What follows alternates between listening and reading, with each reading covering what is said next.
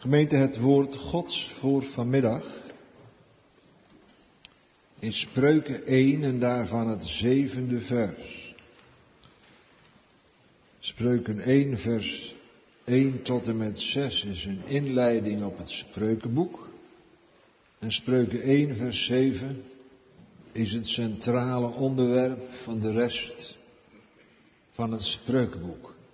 Spreuken 1 vers 7.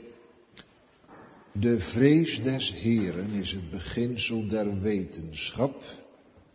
De dwazen verachten wijsheid en tucht. Dus gemeente, de vrezen des Heren is het beginsel, staat er. Je mag zeggen, het voornaamste deel van de wijsheid de dwazen verachten wijsheid en tucht. Wij hebben de vorige keer gezien, gemeente, dat de vrezen des Heren een van de centrale onderwerpen is in de Heilige Schrift. In de preek van de vorige keer hierover hebt u een aantal teksten gehoord uit het woord van God die ons een bijbelse gedachte geven over de vrezen des Heer. Ik vat de eerste preek nog een keer samen in drie conclusies. De eerste conclusie is deze. Als ik leef zonder de vrezen Gods, leef ik zonder een bijbelse godsdienst. Als ik in de in de bevinding van mijn hart en in de praktijk van mijn leven leef zonder de vrezen Gods, dan heb ik niet een bijbelse godsdienst. Hoeveel u ook over Jezus praat en over genade praat en de Bijbel praat. De tweede conclusie was deze. Onderwijs over de vrezen Gods is zeer hard nodig voor Gods kind om te groeien in de genade en kennis van Christus.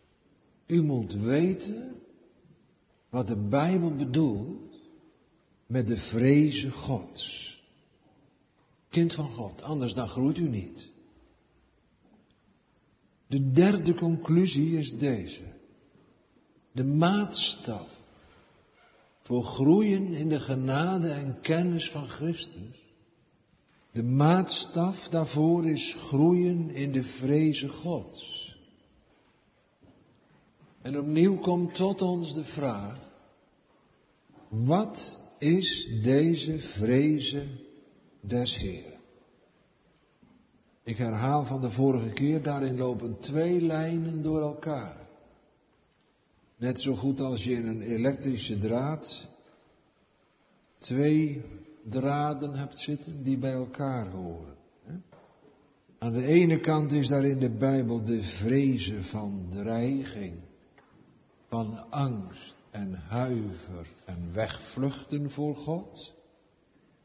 Aan de andere kant is daar ook de vrezen van eerbied, respect en ontzag in kinderlijk vertrouwen. Wel nu gemeente, allebei deze draden, de draad van angst, huiver en schrik. En de draad van eerbied, respect en ontzag en vertrouwen in God en Christus.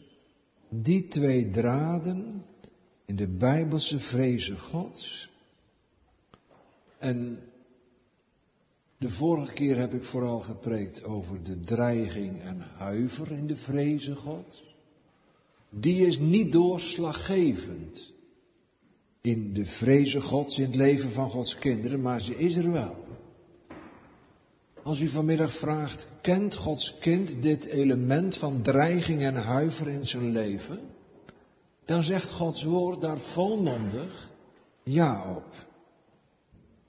Kind van God aan deze plaats, ik bid u, laat u niet meezuigen met de godsdienstige tijdgeest. Wat is in dit verband de godsdienstige tijdgeest? dat het heel geestelijk zou zijn om de oordelen van de Almachtige God en de huiver en de dreiging voor God weg te lachen.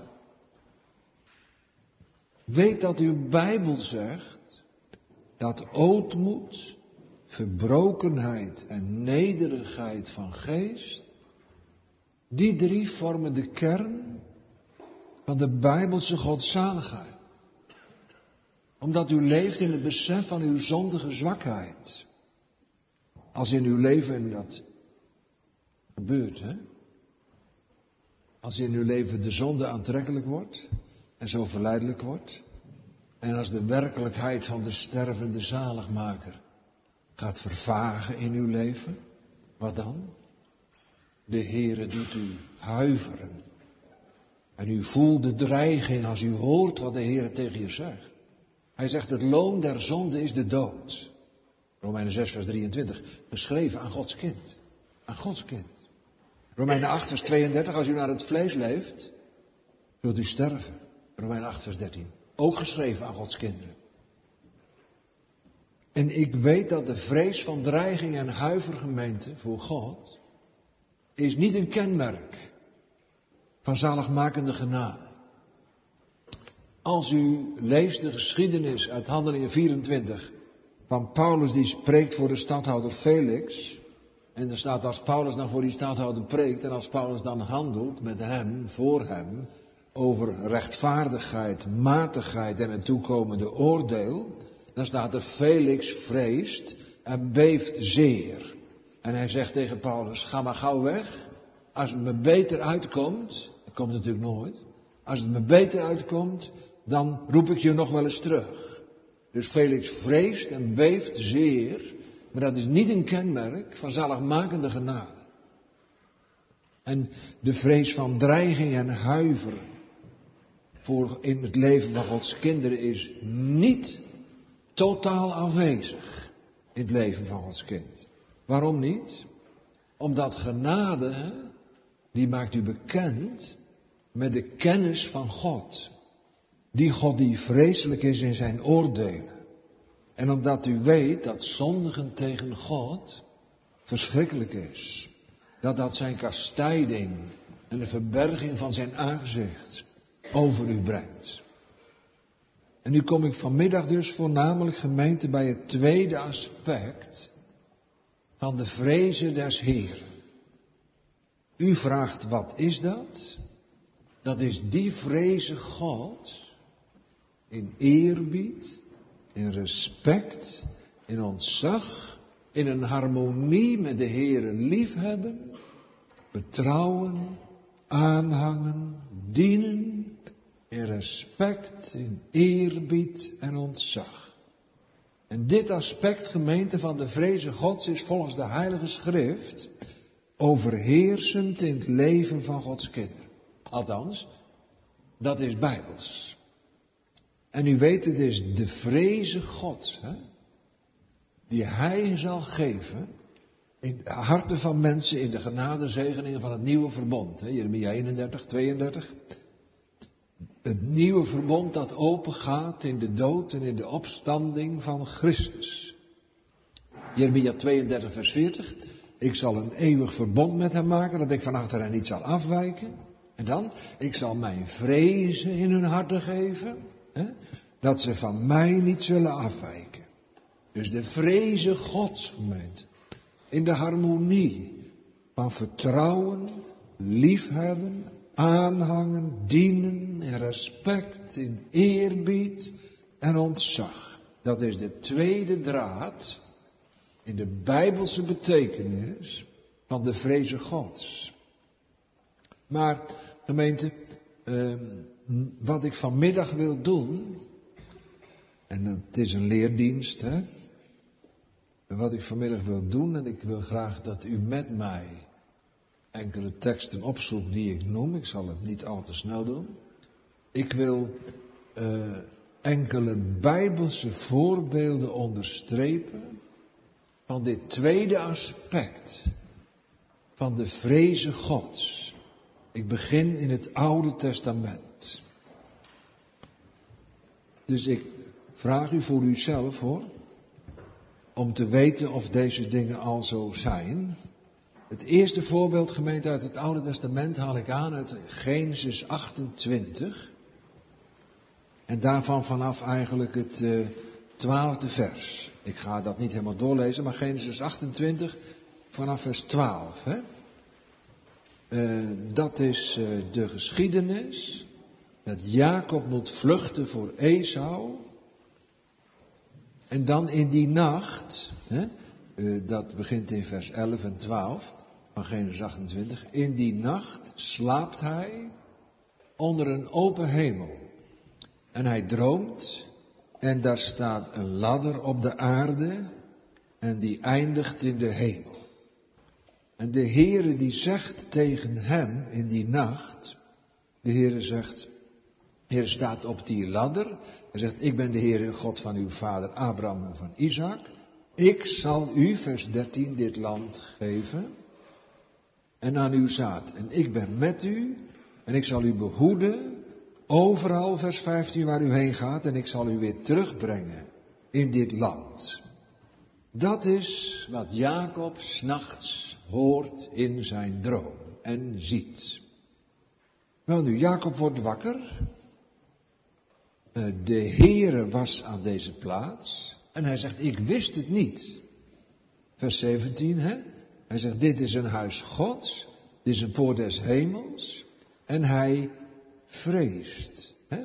En hij vreest. Vers 17, en hij vreest. Hè? Uh, hoe vreselijk is deze plaats dit is een huis Gods voor des hemels. Hij noemt die plaats Bethel. Hij neemt een steen, hij zalft die steen met olie. Hij zegt, deze steen zal een huis van God zijn. En dit gedeelte gemeente leert ons dus zeer praktisch de vrees van eerbied, ontzag en respect. Engelen gezien, een ladder de aarde naar de hemel, de stem van de Heere God gehoord, de God van het verbond, hij ontwaakt uit zijn slaap. Hij denkt na. En in zijn hart is de grote eerbied en vrees. Hij zegt in vers 16, de Heere is aan deze plaats Uh, en ik had geen enkel besef van de onmiddellijke tegenwoordigheid van de Heere God. De grote God, de schepper, de verbondsgod.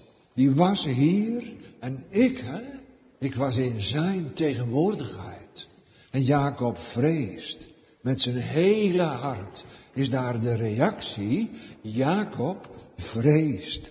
En zegt hoe vreselijk is deze plaats. Dit is niet anders dan een huis Gods en een poort des hemels. God de Heere was hier. En wie ben ik? Jacob. Een gevallen kind van Adam. Stof. Een zwak schepsel. En dan ik. In de onmiddellijke tegenwoordigheid van de Heere God. Is dit bij Jacob een vrees van huiver en angst en dreiging en verschrikking, die hem doet vluchten van God weg? Nee, nee. Het is een vrees in het teerste vertrouwen in Gods getrouwheid. In het teerste vertrouwen in liefde en de genade van God. Want deze Heere, is zijn verbondsgod. Hij zalft een steen, een teken van de getrouwheid van God, wiens tegenwoordigheid vreselijk is, en die zijn belofte vervult. En Jacob begeert met zijn hart in de tegenwoordigheid van de Heer te zijn. En in hem in liefde en vertrouwen te eren, in respect en ontzag. In de tere vrezen Gods. Dat is het eerste Bijbelse voorbeeld van dat tweede aspect, weet u wel, van de vrezen des. In eerbied, respect, ontzag, in een harmonie van kinderlijk vertrouwen, de Heren vrezen. Ik geef u nog een voorbeeld uit het Oude Testament en u slaat met mij op Jezaja 6. En waarom doe ik dit, gemeente? Omdat ik graag zeer nauwkeurig aan u uit wil leggen wat de vrezen des Heren is. Jesaja 6, een heel bekend, op zichzelf een heel bekend hoofdstuk. Wat gebeurt er in Jesaja 6, in de eerste zeven versen en ook nog wel daarna? U ziet wat er gebeurt. Hij ziet de Heer zittend op een hoge verheven troon. De troongeesten staan rondom de Heere, bedekken met vier vleugels, twee hun aangezicht en twee hun voeten, en met twee van de zes vleugels vliegen zij. Dus wat gebeurt hier, gemeente? Laaiende troongeesten Gods en één man zien hetzelfde. Zij zien de Heer zitten op zijn troon, zijn zomer vervullende de tempel. Wat is de reactie van de troongeesten op dit gezegd? He? Uh, zij worden vervuld met een heilige rusteloosheid. Ze vliegen rondom de troon van God. Ze hebben zes vleugels. Met twee bedekken ze hun aangezicht, met twee bedekken ze hun voeten. En met twee vliegen zij. En ze hebben nooit één zonde gekend. Maar in de tegenwoordigheid van de grote God bedekken de troongeesten hun aangezicht en hun vleugels. Ze weten niets van zonde niet, van schuld niet, van schaamte niet, schaamte niet en toch bedekken zij hun aangezicht en hun voeten. Ze zijn zo vervuld met de alwetende God, met de heerlijkheid van God. Onophoudelijk zingen zij, klatert hun koor op tegen de wanden van de eeuwigheid. Ze zijn vervuld met heilige eerbied, diep ontzag. Heilig, heilig, heilig is de Heere, er is gaar. Dat zien de troongeesten. Zonder een spoor van zonde. En Jezaja, een mens. Hij ziet dezelfde God op zijn troon. Hij ziet de alles te bovengaande heerlijkheid en heiligheid van God. Hij wordt overweldigd door de oneindigheid en de heerlijk stralende majesteit van God in zijn heerlijkheid. Maar dat niet alleen, gemeente, dat Jezaja overweldigd wordt. Als u leest van Jezaja's reactie op dit gezegd, bemerkt u smart, diepe schaamte, overtuiging van zonde en verbrokenheid. Want dit is een gevallen kind van Adam. Dat zijn de troongeesten niet. Dit is een zondig schepsel. Die ziet de driemaal heilige God. En de enige juiste reactie is een vrees van eerbiedige huiver, gemengd met een besef van onreinheid en van vuilheid. En daarom diepe overtuiging van zonde en gebrokenheid. De troongeesten roepen, brekken hun aangezicht en zijn voeten. Ze roepen heilig, heilig, heilig is de Heere. Zonder schaamte. Zonder schuld. Zonder zonde. U en ik kunnen dat nooit. Ziet u? Troongeesten in Gods tegenwoordigheid. In eerbied, diep ontzag en respect. Het is gebeten absoluut niet bijbels. Als een mens, een zondig mens, beladen met zonde en ongerechtigheid. Als zo'n mens in de tegenwoordigheid van de Heere God komt, zonder een diepe eerbied en een heilig ontzag. In een diep gevoel van onreinheid, van schaamte vanwege onze zonde. En dan schenkt de Heer aan zijn gebroken dienstknecht de symbolen en de woorden en de zaak van vergevende, verzoenende en reinigende genade. Hè? Vers 6 en 7, een kool van het altaar. Maar gemeente, dit heilig zien van de Heere God in zijn heerlijkheid, in zijn majesteit.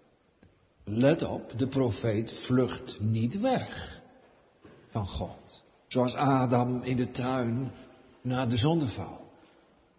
Maar na Gods vergeving en reiniging hoort Jezaja een gesprek. Een intern gesprek tussen de drie-enige God.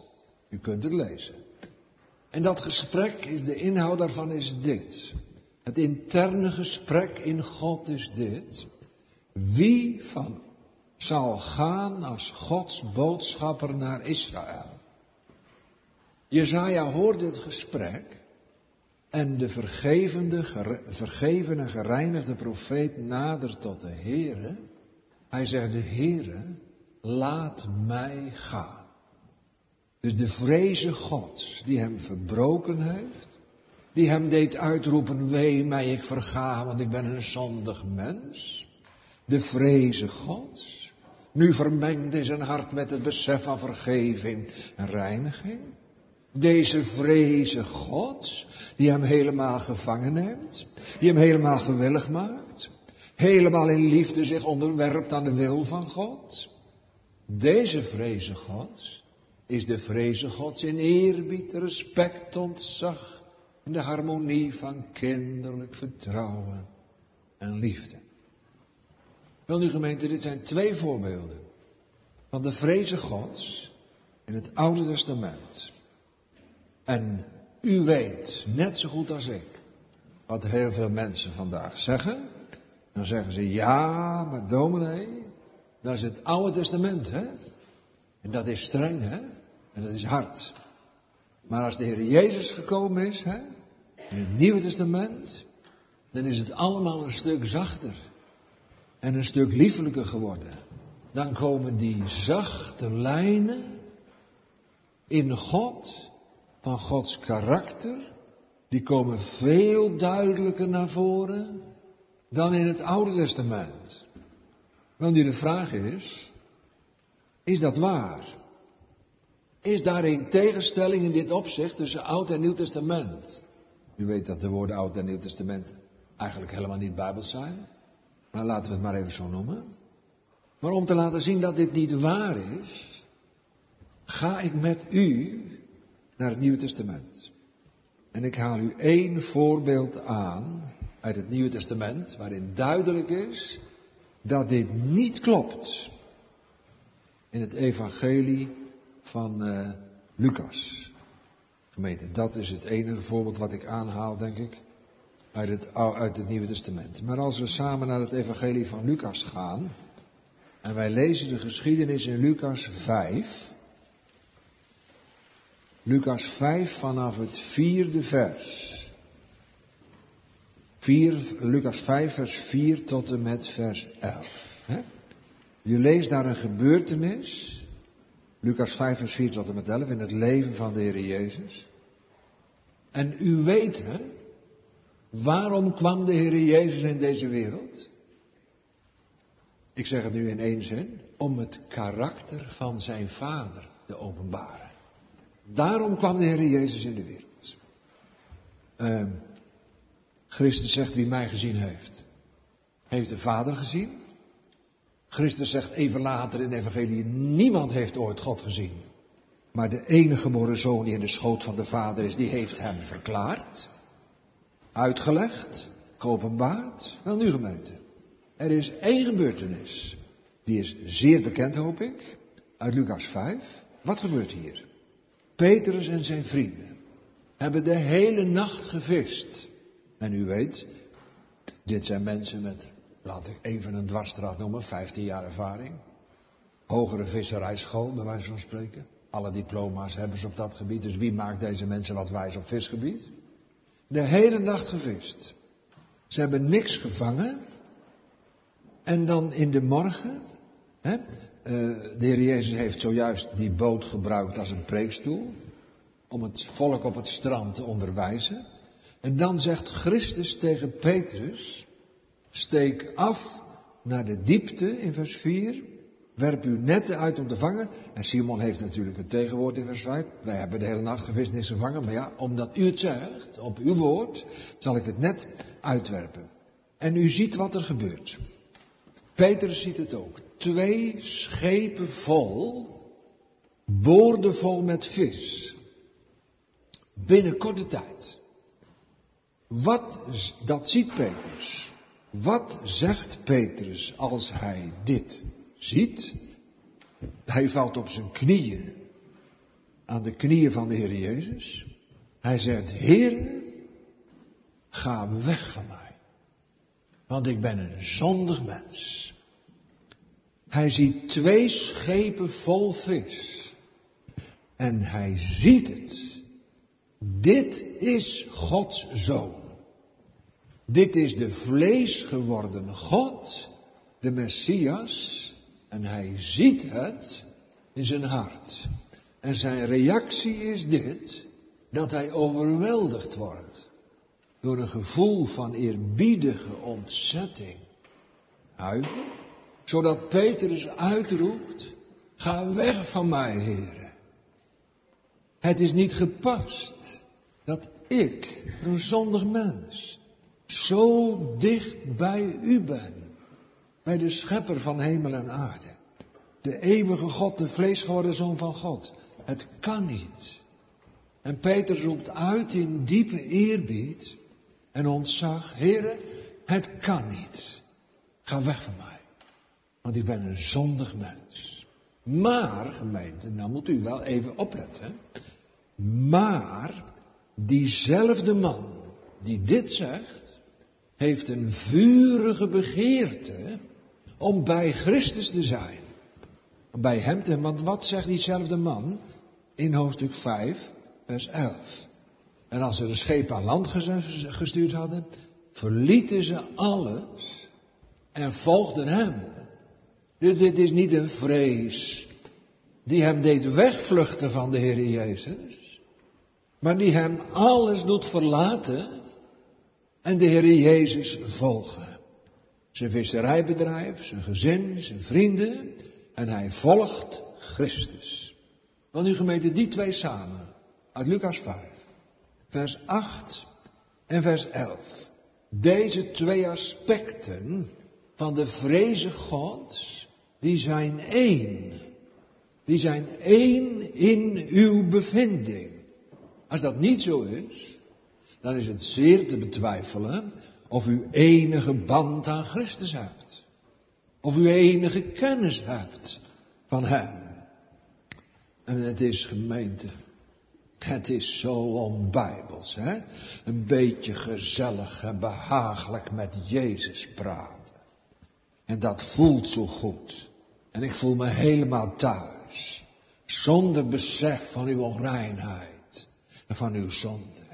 Zodat wat u uitroept, Heere, het kan niet. Het kan niet. U en ik.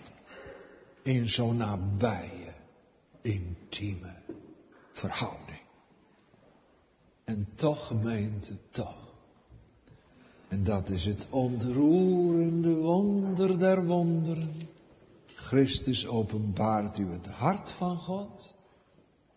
In zijn liefde en vergeving dat u hem aanhangt dat u hem vertrouwt, lief hebt, in eerbied, respect en ontzag.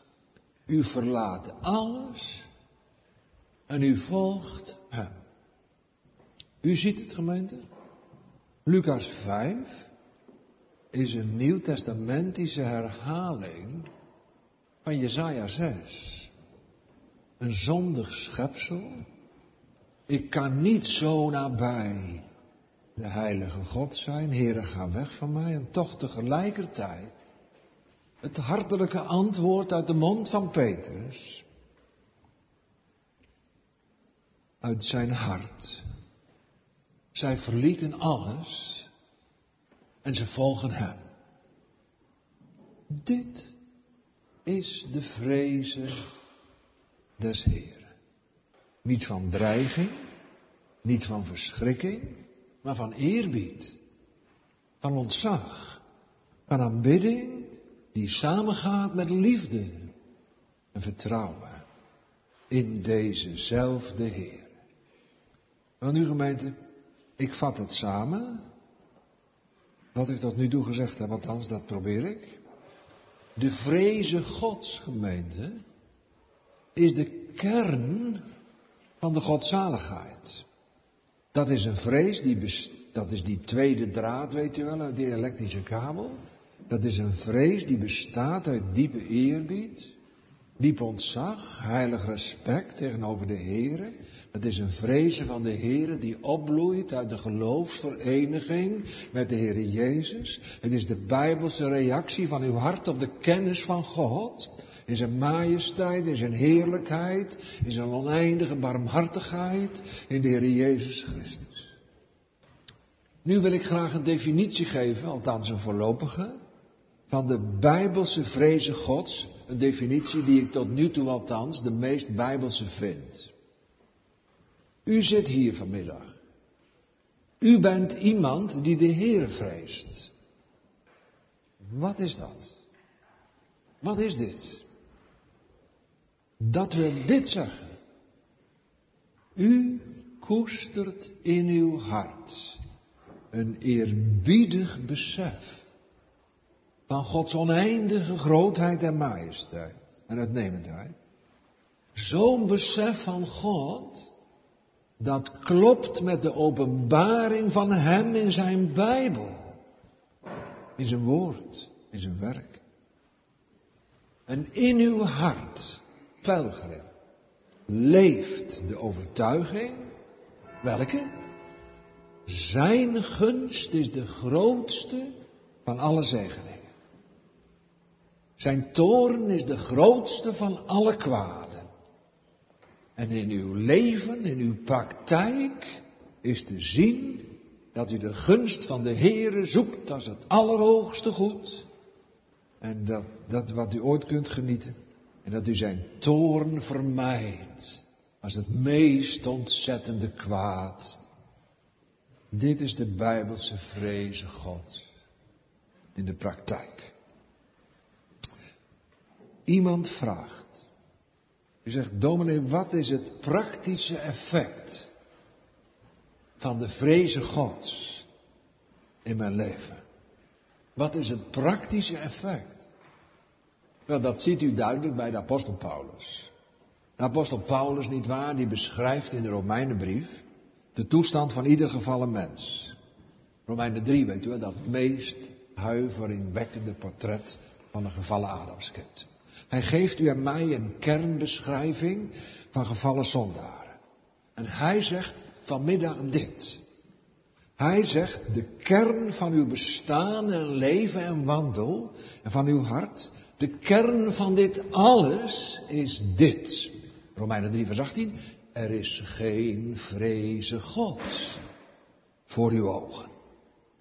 Wel nu gemeente, deze pijl van God komt vanmiddag tot ons en zegt dit. Leeft u een leven van godsdienstige onverschilligheid? Voor de eisen van Gods heilige wet? En voor de wonderlijke verkondiging van het evangelie Gods van zijn dierbare zoon? Hoe komt het dat u zo leeft? Omdat u niet hebt de vreze Gods voor uw ogen. U leeft godsdienstig zoals u wilt. U ziet uw leven als één grote religieuze gelegenheid om te doen wat u graag wilt en wat u fijn vindt. U doet wat uw lusten dicteren.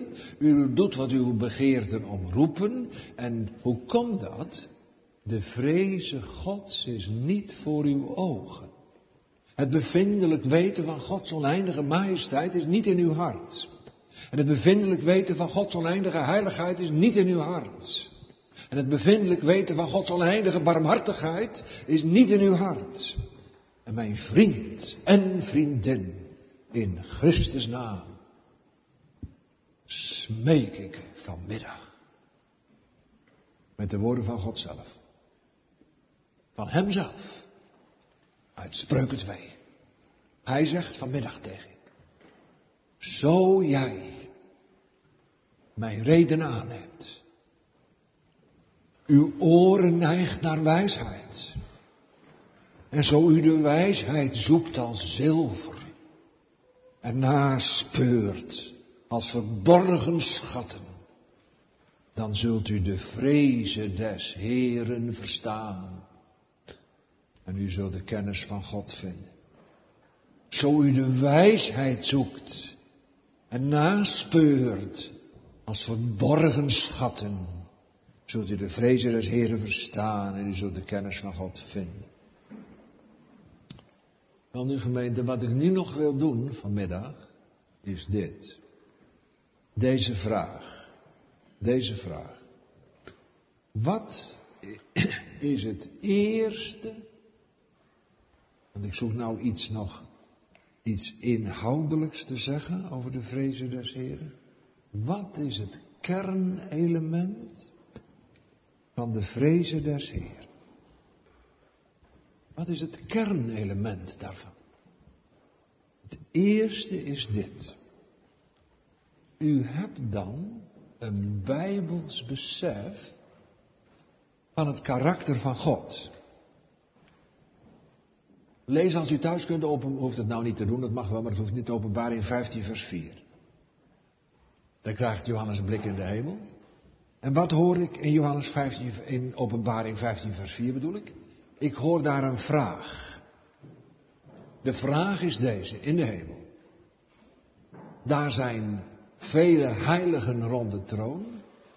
En wat zeggen zij? Zij zeggen, wie zou u niet vrezen en uw naam niet verheerlijken? Hier zijn de heiligen die thuisgekomen zijn. Ze staan aan de glazen zee. Ze hebben het beest overwonnen en het beeld en ze zijn in de tegenwoordigheid van God, zijn Christus en zijn geest. En ze zingen daar het lied van Mozes en het lam in vers 3 en 4. En als deze heiligen gemeente in de hemel voor de troon, als zij God aanschouwen zoals hij is, dan roepen zij, wie zou u niet vrezen, o Heere, en uw naam niet verheerlijken? Zij zeggen, zij zeggen, iedereen die u kent, zoals wij u nu volmaakt kennen, die moet u wel vrezen. Ze hebben een bijbelse kennis van het karakter van God. Ze zien aan de glazen zee de Heere zoals Hij is.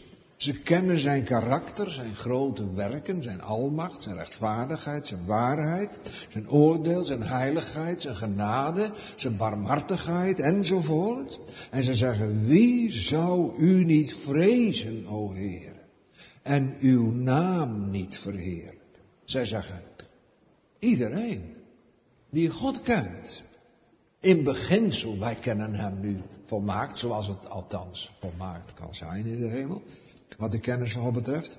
Maar hij zegt, ieder, zeggen zij, die God kent zoals wij, die moet hem wel vrezen.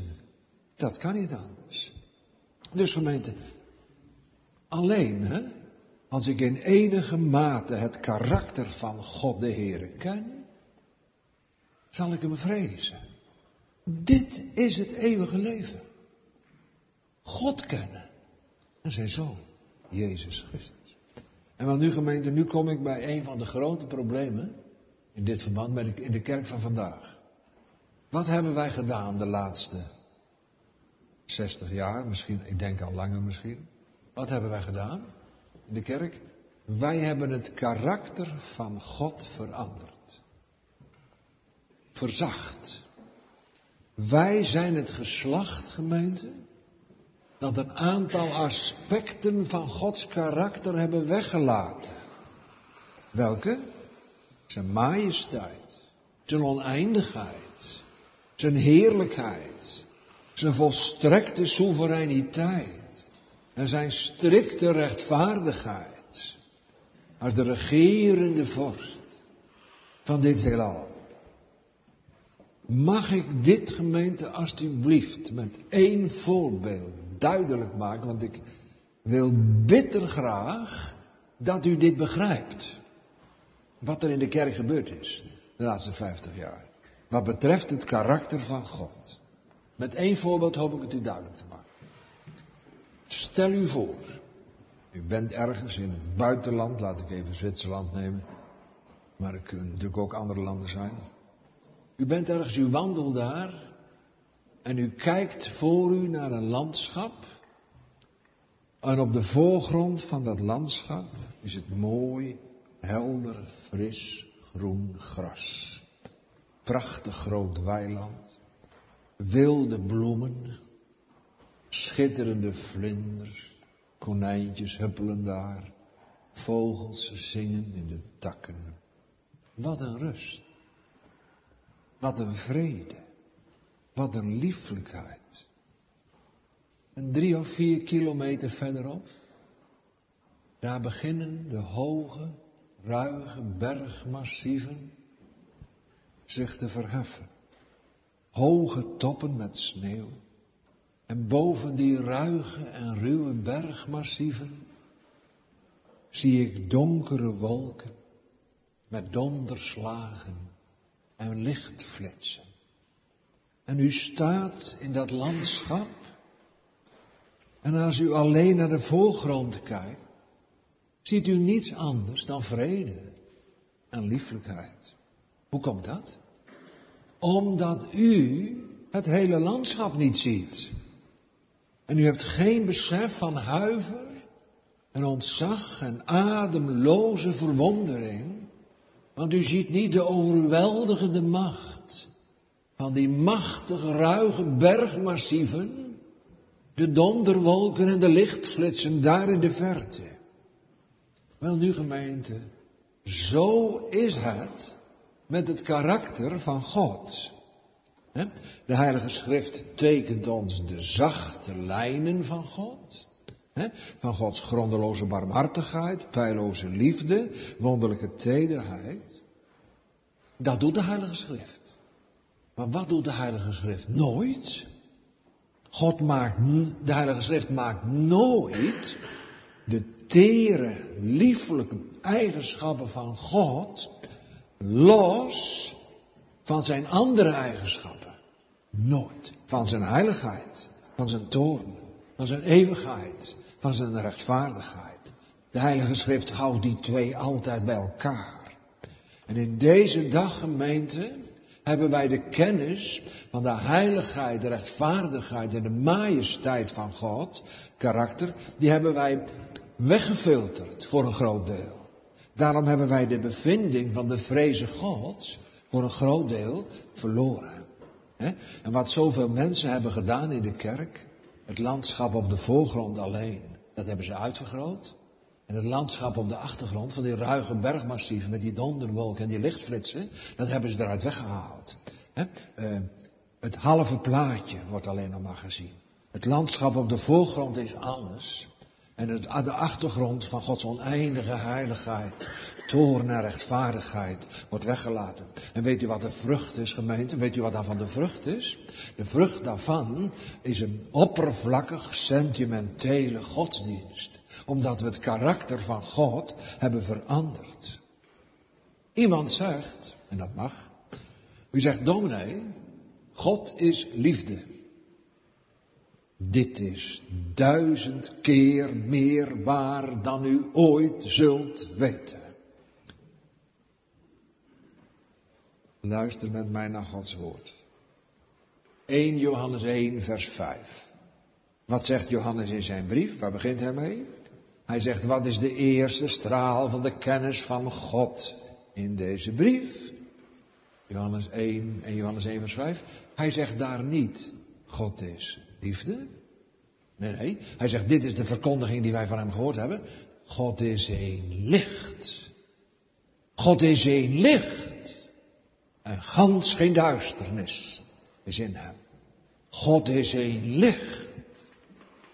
En in die context zegt Johannes een paar hoofdstukken later in hoofdstuk 4, God is liefde. Dat is alleen maar waar in deze context.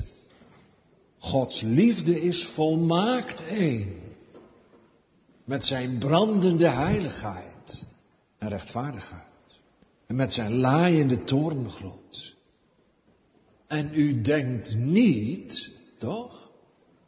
U denkt niet, ja, maar God heeft zijn liefde geopenbaard in het kruis van Christus.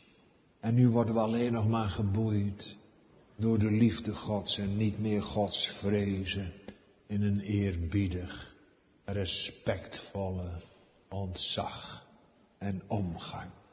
En de tegenwoordigheid van die heilige God, van die majesteit. Nee, nee. Wij hebben het verkleind. En we zeggen alleen het lieflijke landschap op de voorgrond. En niet God vrezen. In een eerbiedig ontzag en buigen. Aan nu gemeente, als zondeloze schepsel, rond de troon, vier van hun zes vleugels gebruiken om hun aangezicht te bedekken en hun voeten te bedekken, met een eerbiedig hart. Zij kennen God, hè? In zijn oneindige majesteit en heerlijkheid. Denkt u dan, gemeente. Denkt u dan. En dan kom ik, denk ik, bij het hart. Denkt u dan dat het zien van de wonden van Christus, van het offer van Christus op Golgotha, denkt u dat het gelovig zien van Golgotha van Christus en u nadert in geloof en liefde en vrezen en diepe eerbied.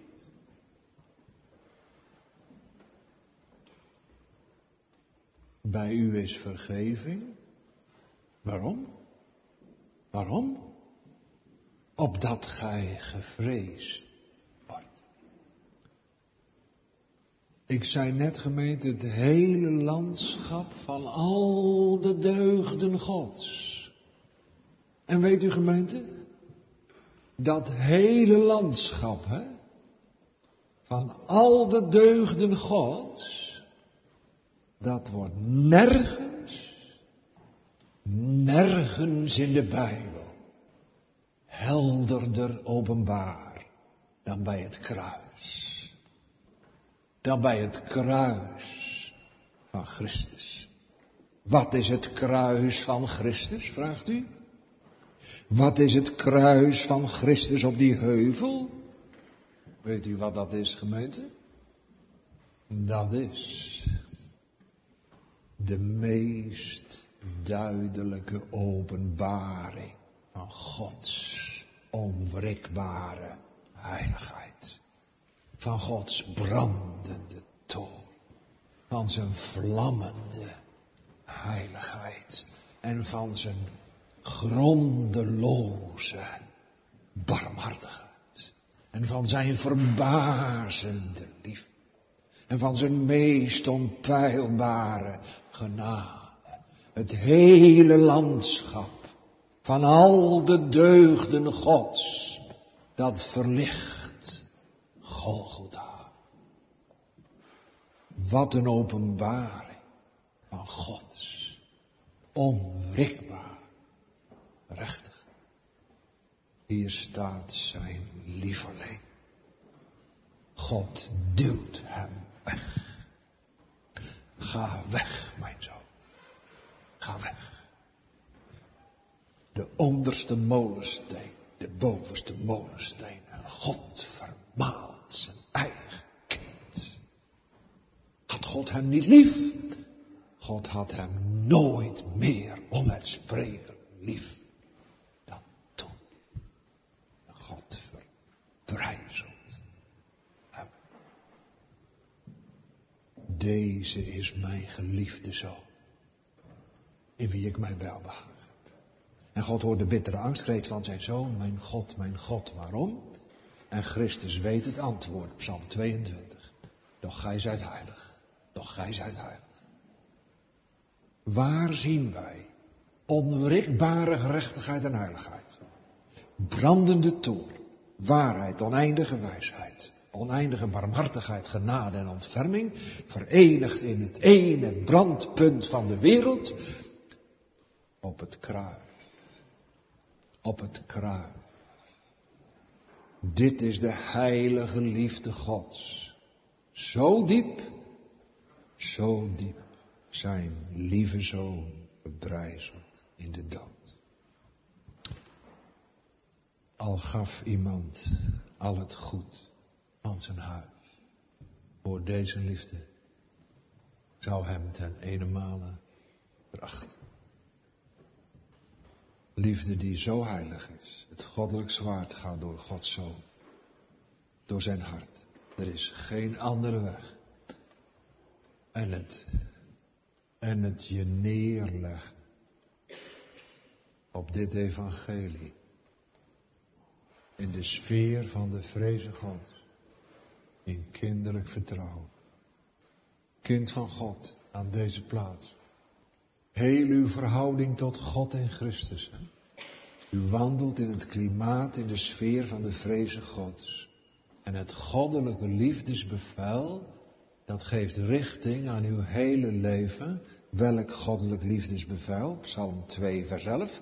Dient de Heere met vrezen en verheugt u met beving. En als u in zijn genade, in uw bitterste armoede, de klanken hoort van de gekruisigde God, de vergeving van al uw zonden ontvangen, die vergeving gekocht met de prijs van zijn dierbaar bloed, in een ontroerende vreugde, met beving, ik, ik, ik, buig u dan in stap en verhef met lof. Het heilig opperwezen wil het eeuwig vrezen. Aan u, pelgrim, ik spoor u aan vanmiddag. Wees te allen dagen in de vrezen des Heren. En u overdenkt, daar neemt u goede tijd voor, u overdenkt zulke gedeelten uit Gods woord, zoals Jesaja 6, Jesaja 40, Openbaring 1 en Openbaring 19. Zodat u ademt in het klimaat van de kennis van God in Christus. Als u onbijbelse gedachten hebt over God, o bid God dat Hij deze hoofdstukken ademen in uw hart. En pelgrim, laat ik zo eindigen vanmiddag. Zo reist u, hè? Zijn gunst en zijn aangezicht is het grootste goed dat u kunt genieten. En u vermijdt zijn toorn als het meest ontzettende kwaad in een heilige vrees om hem te beleden. En stel u voor, binnenkort staat hier weer de tafel des Heren aangericht. Hè? En u mag hier zitten. U zit aan de tafel van Christus. En die engel, die de Heere Jezus versterkte in de hof van Gethsemane, in, eh, van die engel die zou tegen u zeggen vanmiddag. Als u daarbij geweest was, zegt die engel, als u gezien had een van de grote druppels bloed van Christus die op de aarde vielen, als u een traan van zijn heilig aangezicht had zien vallen op de grond in angst en zweet, zo verdorven en rood van bloed, als u één onuitsprekelijke zucht gehoord had, toen Christus kroop op de grond. Abba, Vader, als het mogelijk is. Die engel zal tegen u zeggen, dan zult u komen tot deze heilige tafel in een ontroerende vreugde en een diepe eerbied.